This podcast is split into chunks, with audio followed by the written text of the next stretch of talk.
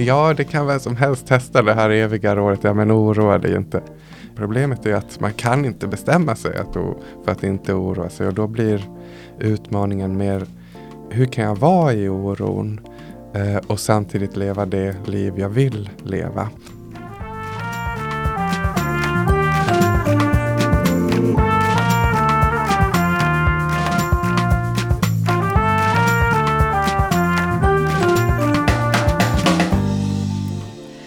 Lyssnar på Podda Lund och vi sänder från Botaniska trädgården i just Lund. Jag heter Jenny Loftrup och det är Lunds universitet som står bakom den här podden. Och nu kom precis eh, Roland Paulsson in från dörren. Välkommen! Vill du sitta eller stå? Ja, jag kan sitta. Det, det blir bra. Idag så kommer det handla om oron som breder ut sig i vårt samhälle. Att allt fler blir deprimerade, utbrända, oroliga. Och du menar att vi redan har en katastrof här?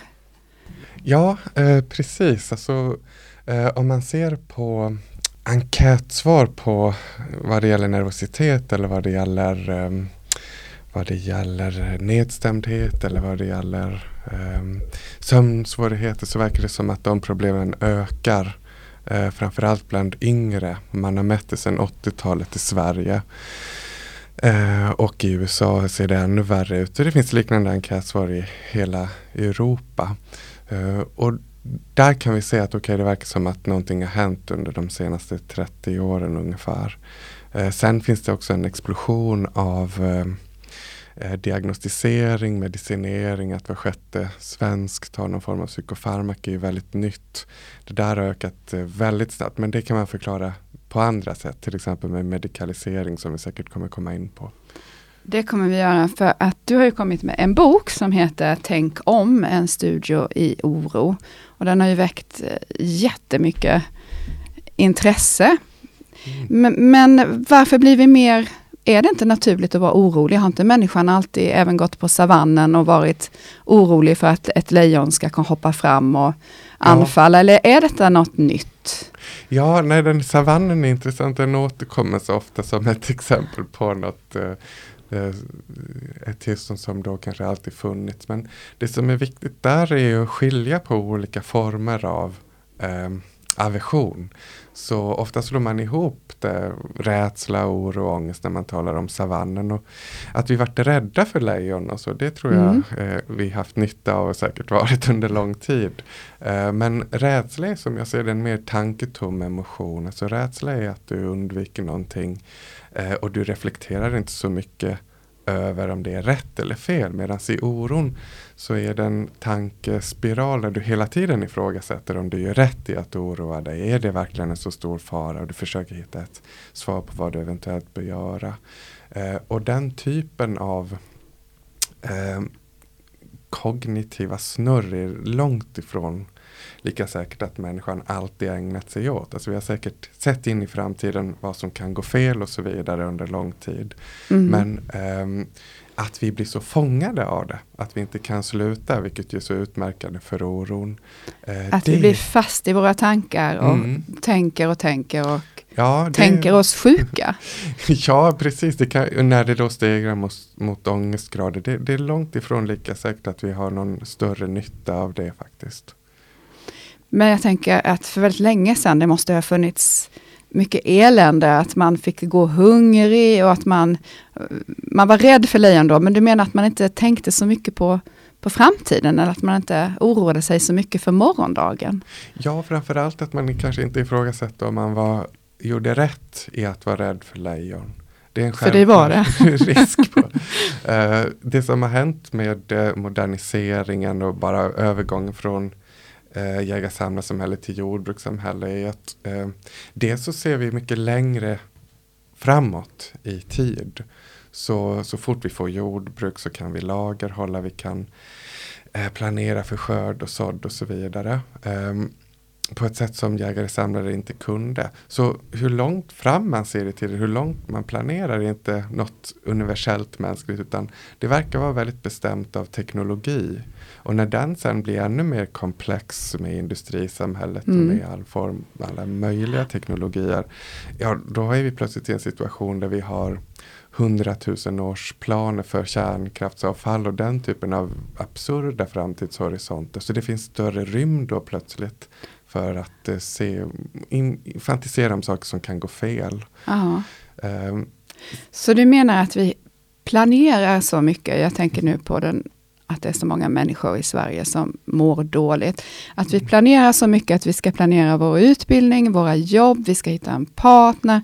Är det det här planerandet då som handlar om det här om man ska mm. leva och vara i nuet. Men hur kan man vara det? Hur stänger man av sina tankar? Eh, har du hittat några, du har intervjuat många människor som mår dåligt eh, mm. till din bok. Har du hittat några sådana här ja men det här funkar, nu slutar jag tänka de här skadliga tankarna. Nej, och jag ska säga också att det, jag ger ju inget sånt definitivt svar att det är det här allting beror på, utan det här med eh, framtidshorisonten är liksom bara ett steg. Sen eh, blir det ännu mer komplext när människan börjar tänka i termer av orsak och verkan med modern vetenskap.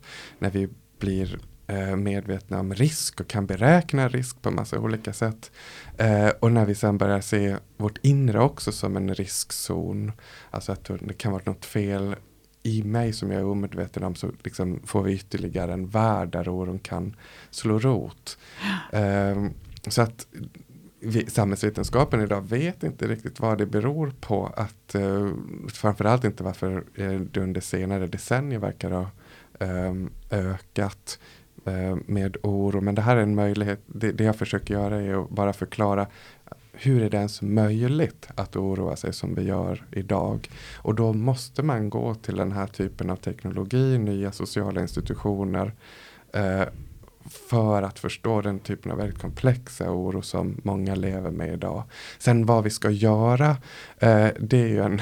det är något det, annat. Ja, det är egentligen, jag menar, det, jag tar mig an det här som sociolog. Ja. Och försöker bara förstå vad är grunden för uh, oron samhälleligt sett. För man kan inte förklara det med genetik till exempel. Genpooler tar vanligen tusentals år för sig för att det förändras i en, i en population. Mm. Och det är snabbare ändringar än, än nu. Och kemiska obalanser i hjärnan är säkert involverade men när de uppstår synkront hos så många då måste man ifrågasätta, okej okay, vad är det som händer innan ja. obalansen uppstår. Så um, ett enkelt svar på vad bör göras är, är, är, svårt att ge, men vi kan säkert återkomma Det finns inte, men du menar att vi har fått någon kollektiv oförmåga att, att leva med osäkerhet? För att, ja. för att vi nu bedömer alla de här riskerna och ser de här valen. Men du pratar också om ensamhet, att det är en viktig faktor att, mm. att vi blir mer och mer ensamma. Ja, precis. Det går att se ändå eh, på korrelationsnivå tydliga samband mellan till exempel ensamhet och eh, psykiska problem på individuell nivå. Och ensamhet har ju definitivt ökat snabbt. Alltså bara vad det gäller ensamhushåll där ju Sverige ligger i topp i världen. Eh, så var det ett ganska okänt fenomen bara under 1800-talet. Plötsligt är det, det eh, otroligt stor andel som bor ensamma. Och även när man frågar hur många nära vänner människor har så ser vi det gått ner snabbt från cirka 2-3 till mm. närmare noll. Så det finns sådana typer av korrelationer. Det finns stark korrelation med ojämlikhet ja. i ett samhälle. Um, och, du skrev också, jag tyckte ja. det var så intressant om familjen, att bara för att man har en familj så behöver inte det betyda att man inte är ensam. Utan att vi gör mycket färre saker eh, tillsammans, mindre middagar, mindre helger, semestrar och sådär. Att det finns, kan finnas en ensamhet även om man bor tillsammans med någon eller i en familj.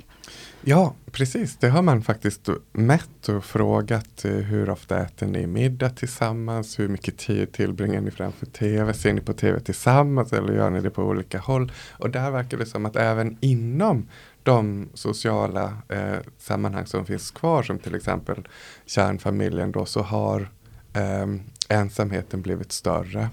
Eh, sen tycker jag det är mer påtagligt att se på hur den, den, de bredare sociala sammanhangen, alltså alltifrån klanen till byalaget, till föreningen, till socknen och de religiösa samfunden, hur de eh, nästan försvunnit totalt. Det är liksom ännu mer påtagligt än vad som händer inom familjer. Ja.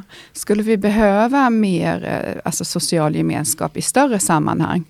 Som eh, religiöst eller föreningar, alltså behöver vi tillbaka till den större flocken? Ja, ja, men det tror jag absolut det finns ett värde i, även om det inte kan förklara allt vad det gäller det här med oro. Alltså det finns ett värde i att stångas med andra människor. Att inte bli så vaksam på sig själv och vad som pågår i mitt lilla huvud. Eh, att rikta blicken mer utåt än inåt. Jag tror vi lever i en extremt introspektiv tidsålder där vi är otroligt vaksamma på vad som händer inom oss som individer. Och det gör i sig eh, att eh, vi eh, upprörs lättare om det är någonting inom oss som vi inte tycker verkar stämma riktigt. Om vi tänker något eller om vi känner något som eventuellt är svårt att identifiera sig med. Men är det att vi är för oberoende, att vi inte är så behövda? För man då levde i någon slags flock eh, där jag var behövd, då kanske jag inte hade fått ligga och, och deppa allt för länge i en hörna för att de behövde att jag gick ut och samlade nötter och rötter eller någonting. Det var mm. någon som sa till mig, kom igen nu.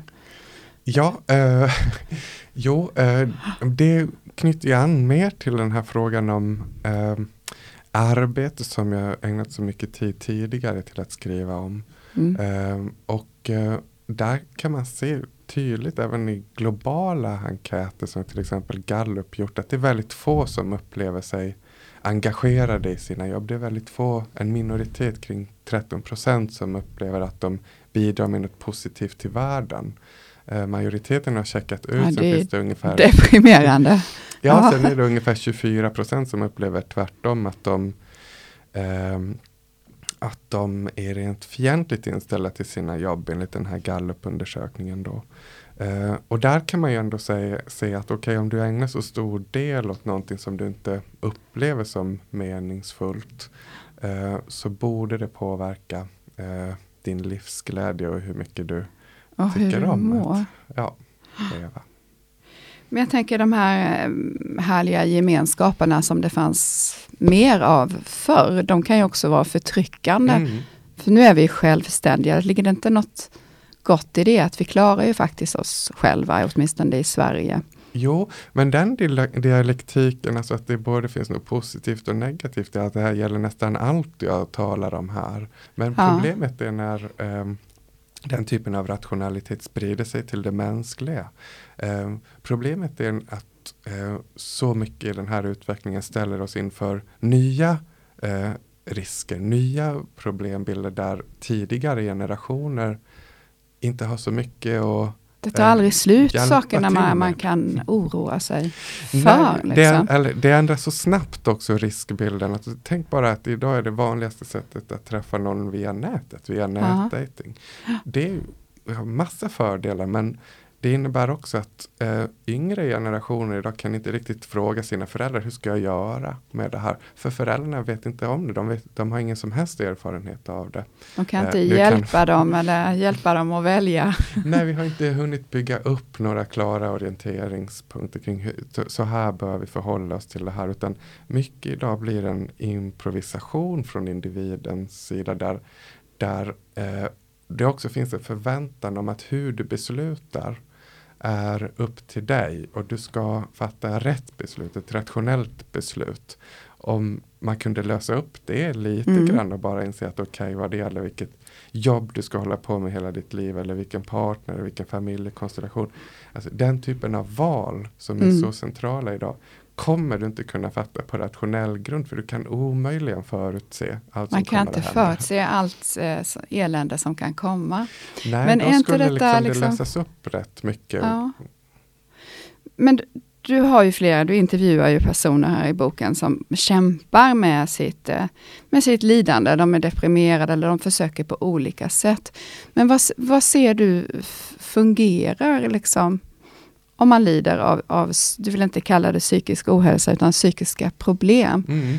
Mm. Eh, för det här är ju ändå då att, ja, vi, vi är ensamma, vi har många val, vi har mycket att oroa oss för. Och, men eh, vad finns det som funkar, tänker jag? Ja, en sak som hänt inom psykoterapin nu är att det finns större och större fokus på acceptans. Eh, vilket jag ser nästan som en motreaktion på vad psykoterapi tidigare handlat om. Alltså att i psykoanalys har det till exempel varit mycket fokus på att du ska förstå någonting i ditt förflutna och då kommer du på något vis att uh, komma till en insikt som uh, tar bort dina symptom då eller åtminstone mildrar dem. Mm. I tidig KBT handlar det väldigt mycket och fortfarande om uh, att exponera dig mot det du är rädd för vilket jag i och för sig ser ett stort värde i. Men acceptans den tanken är liksom hämtad från mer från religionens värld, alltså framförallt från mer buddhistiska tankegångar om att eh, själva ansträngningen om att bli av med en sån sak som oro mm. genererar i sig ännu mer oro. Och det Då blir kan det värre av tankarna. Ja. ja. det kan vem som helst testa det här eviga rådet. Ja men oroa dig inte.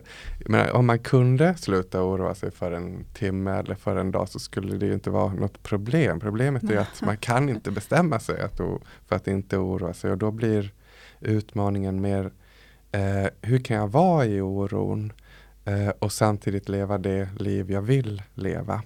Vilket mm. eh, på en individuell nivå tror jag är, i alla fall en gångbar eh, utgångspunkt. Eh, på samhällelig nivå samtidigt så, så, så, tycker jag att, man, att vi borde se oro eller psykiska problem i stort och ökningen av dem som ett misslyckande. Alltså, ett det... samhällsproblem, alltså ja. vi borde göra någon slags eh, revolution. det det? Nej, men i alla fall ta hänsyn till det här och inte bara se det som att det finns ett konstant lidande eh, och eh, det är tidslöst och människan har alltid haft problem så vi behöver inte tänka så mycket på hur vi mår psykiskt. Eh, den inställningen har, är ganska svårt att förstå. Alltså det, vi har gjort oerhört mycket vad det gäller somatisk hälsa med eh, sjunkande spädbarnsdödlighet, stigande medellivslängd och så vidare. Mm. Och det, det slår vi oss gärna för bröstet för men eh, i, i västvärlden då menar jag. Men just vad det gäller det här med psykisk ohälsa, så, så, eller vad man nu ska kalla det, så ser det um, väldigt annorlunda ut.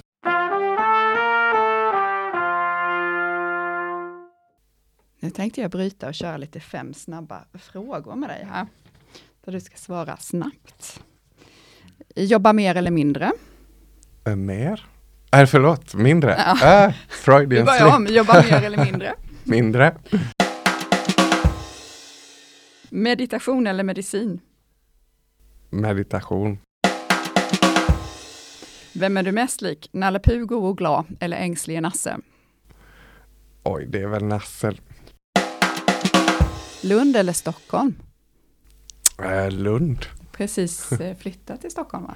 Ja, mm. eh, av, eh, min fru har fått jobb i Stockholm så då flyttade vi dit. Men hjärtat är i Lund. Mest oroande, corona eller att inte få forskningspengar? Ja, det är väl ändå corona fortfarande.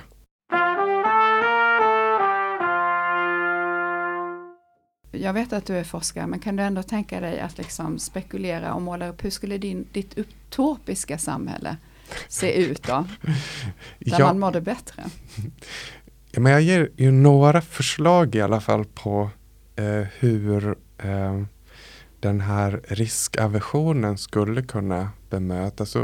Vad menar du med riskaversion? Jo, att vi undviker? Att vi undviker risk. Alltså att så mycket av hur vi lever handlar om att minimera risk. Eh, och ett ställe att börja på är politiken. Det är ju på en samhällelig nivå. Idag är nästan all politik riskcentrerad. Nästan allt är centrerat kring risk. Om du är vänster eller höger eh, verkar idag mest handla om vilken risk du prioriterar. Om du är vänster då kanske du talar mer om global uppvärmning. Om du är höger då kanske du pratar mer om kriminalitet eller invandring.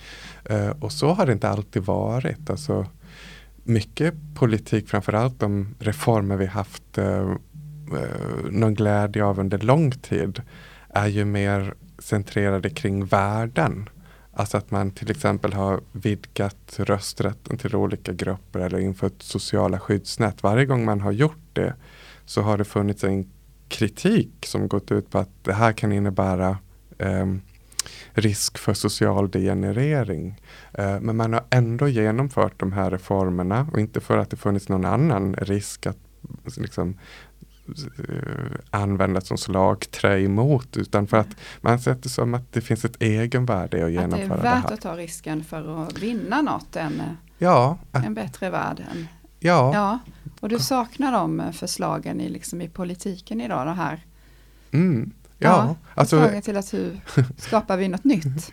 Ja, till och med när det kommer till global uppvärmning som är en högst re, reell risk så eh, när man föreslår större samhällsomvälvningar så finns det liksom ingen riktig bild av hur det ska se ut. Och det verkar alltid formuleras som ett sätt att undvika den här stora katastrofen medan jag ser det som att ett samhälle som inte bygger på ekonomisk tillväxt i all oändlighet eller ett samhälle där vi inte producerar och konsumerar eh, maximalt har ett egenvärde. Alltså att det skulle vara eh, bra för att eh, kunna grunda sig och ha större kontakt med omvärlden och inte vara uppe i ett väldigt uppskruvat tempo hela tiden. Men den typen av diskussion um, kommer vi, sällan in på. Att vi skulle må bättre och vara mindre oroliga av ja. en eh, värld som inte byggde på tillväxt. Och jag vet inte om vi skulle vara eh, mindre oroliga och jag försöker inte formulera det på det Nej. sättet för då är vi redan inne i prediktionernas värld. Det är möjligt att vi skulle fortsätta oroas eller att det, det, vi skulle lida på något nytt sätt. Oro är inte den enda typen av lidande. Men jag ser det ändå som att det finns ett egenvärde i att eh, befria människor från tvånget att arbeta så mycket som vi gör idag. Alltså det, det är vad jag skrivit mycket om tidigare. Mm. Så det är en, en nivå, alltså den mer, mer politiska där man skulle kunna göra något. Mm. Um, sen har jag en mängd andra idéer i boken som, um, som vi, uh, jag kan nämna en. Uh, det finns ett stort fokus också just på tankar. Uh, ja. Inte bara individuellt utan även politiskt individuellt har vi redan talat om att tankar blir ett slags tecken på att någonting är fel. Ja. Men ideologiskt, politiskt har vi stor tro på att om vi bara formulerar en ny idé eller en ny bok eller någonting sånt, då kommer någonting att hända. Eh, men eh, man till exempel ser på en studie som eh, gjorts om eh, hur den kinesiska censuren ser ut av, eh, av meddelande på sociala medier. Så slutsatsen då eh, från den här studien som de formulerade är att eh, den kinesiska regimen eller diktaturen bryr sig inte om vad du tänker, den bryr sig bara om vad du kan göra.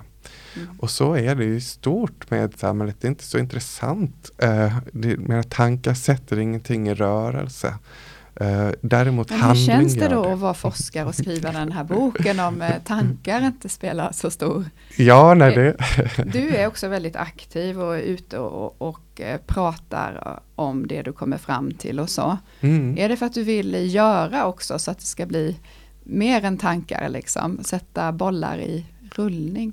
Ja, nej, som forskare är jag ju låst till tankens värld, så är det. Men jag kan ändå se att det finns en gräns för den.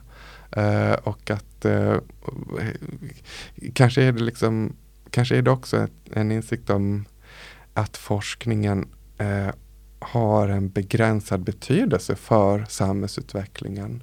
Alltså om man tänker på samhällsvetenskap, eh, alla möjliga studier som gjorts kring stress i arbetslivet eller vikten av ehm, ja att inte detaljstyra för mycket med new public management och så vidare. Det finns en enorm forskningsindustri som bara drar samma slutsats gång på gång på gång. Men samhällsutvecklingen går fortfarande åt ett helt annat håll. Det är helt enkelt för att det är olika världar. Det är en tankens värld och sen är det en handlingens värld och det är handlingen som bestämmer hur samhället ser ut. Det är deprimerande, man får hoppas att det sipprar lite, lite, lite ner ändå på något sätt. Jo, men det har, man ju, ja. det har vi ju flera exempel på såklart inom forskningen. Men men eh, som vi ofta tröstar oss med att kanske kommer det här få någon betydelse om, om flera, flera år. Vad oroar dig? Ja, eh, jag har haft mina orosmoln också i livet, absolut. Eh, I den här boken skriver jag ju bara om andra. Mm. Eh, och det är väldigt många olika porträtt, extremt mm. olika typer av oro. Ja. Ehm, och det, det ironiska är väl att eh, mycket av det jag har skrivit om eh, är drivet av en oro också. Alltså jag oroar mig för att eh, eh, vår riskcentrering, eh, framförallt inom politiken, är så pass stor att eh, vi aldrig kommer till frågan om vilket samhälle vi vill leva i. Det, det tror jag är en sån övergripande oro som, som ligger till grund för det här. Det här att man hela tiden ska avvärja kriser istället för att förbereda sig på kriser. Du menar att det mm. tar över livslusten? Ja, ja. Jag tänker, du har skrivit en hel bok här och du har massa olika stora faktorer och du pratar om eh, mindfulness, eh, vi pratar om ensamhet, vi pratar om eh, det har vi inte pratat om, droger, folk som experimenterar med droger mot mm. depression. Det är ett nytt område som, ja. som kommer också. Ja, precis. Hur tänker du runt det? just nu finns det en stor entusiasm vad det gäller eh, psykedelika och hur man kan använda det eh, i psykoterapeutiska men, sammanhang. Eh, men, men eh, det Folk beror... har ju alltid självmedicinerat med olika droger men det här mm. är något helt annat. Ja, precis. Alltså, eh, nu har många tolkat just det kapitlet som att jag själv skulle vara någon entusiast för psykedelisk psykoterapi och det är jag faktiskt inte men eh, grundtanken där är, kan jag ändå sympatisera med och det handlar mer om att eh, i det här psykedeliska ruset då så eh, löser du upp mycket av egots gränser och du kan få en helt annan blick på eh, ditt liv och eh, det sammanhanget du ingår i. Uh, ofta beskriver man det som att man kanske gör en sån uh, tripp en gång uh, per år högst och sen så lever man liksom i det här. I den här nya insikten ja, då? Håller den i så länge då? Går... Det är ju det som kommer fram när jag intervjuade um, den här kvinnan som gjort uppemot eh, uh, 20 ayahuasca-resor under bara ett par års tid. Att, uh, för henne var det åtminstone inte så. Uh, för henne verkade det som att hon var tvungen att förnya det här gång på gång och sen höll det kanske i sig något, något slags lugn i ett par veckor. Men um, det blev inte den typen av um, effekt som man ofta talar om just nu inom det här fältet. För det är ehm. mycket forskning som är på gång så att man, man kan också liksom i vissa länder kanske delta i medicinska experiment. Oh ja. och Ja, det pågår eh, för fullt men eh, jag tror att den forskningen som den mesta forskningen inom psykoterapi har en mängd olika brister. Alltså det... I din bok så verkar du ganska så här, lite kritisk till all eh, terapi och så. Att den mm. inte funkar. Men många upplever väl att det ändå eh, att man mår bättre efter man har gått till en terapeut. Ja, ja, det finns nej, ju forskning bakom både KBT och Ja, nej, men jag lyfter fram den, de typen av utvärderingar som, um, som andra kliniska psykologer själva presenterat i mer av eh, metastudier där man försöker se okay, hur stor är effekten egentligen av psykoterapi och eh, resultaten är rätt nedslående då. Det, fick, det finns undantag vad det gäller PTSD, alltså traumabehandling eller fobier där det är extremt bra resultat. Men, men det är samtidigt inget skäl till att avråda någon från att söka psykoterapi.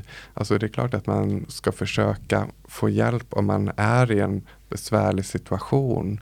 Men, mm. men man får ändå vara realistisk och se att okej, okay, eh, effekterna här är långt ifrån lika goda som man skulle hoppas. Och ett ytterligare mysterium är att de länder där vi har stör, alltså ojämförligt störst resurser som går till psykoterapi och medicinsk yeah. behandling så har vi också högst frekvenser av olika typer av psykisk ohälsa. Och det där mäter WHO.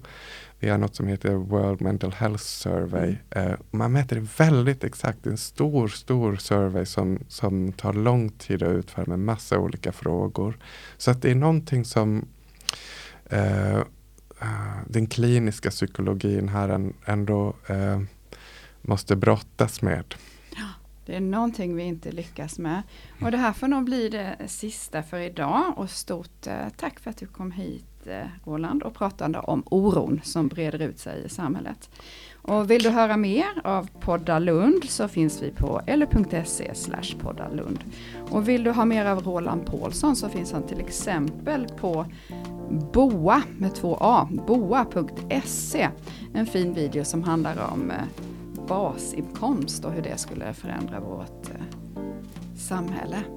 Tack för att du kom hit. Tack så mycket.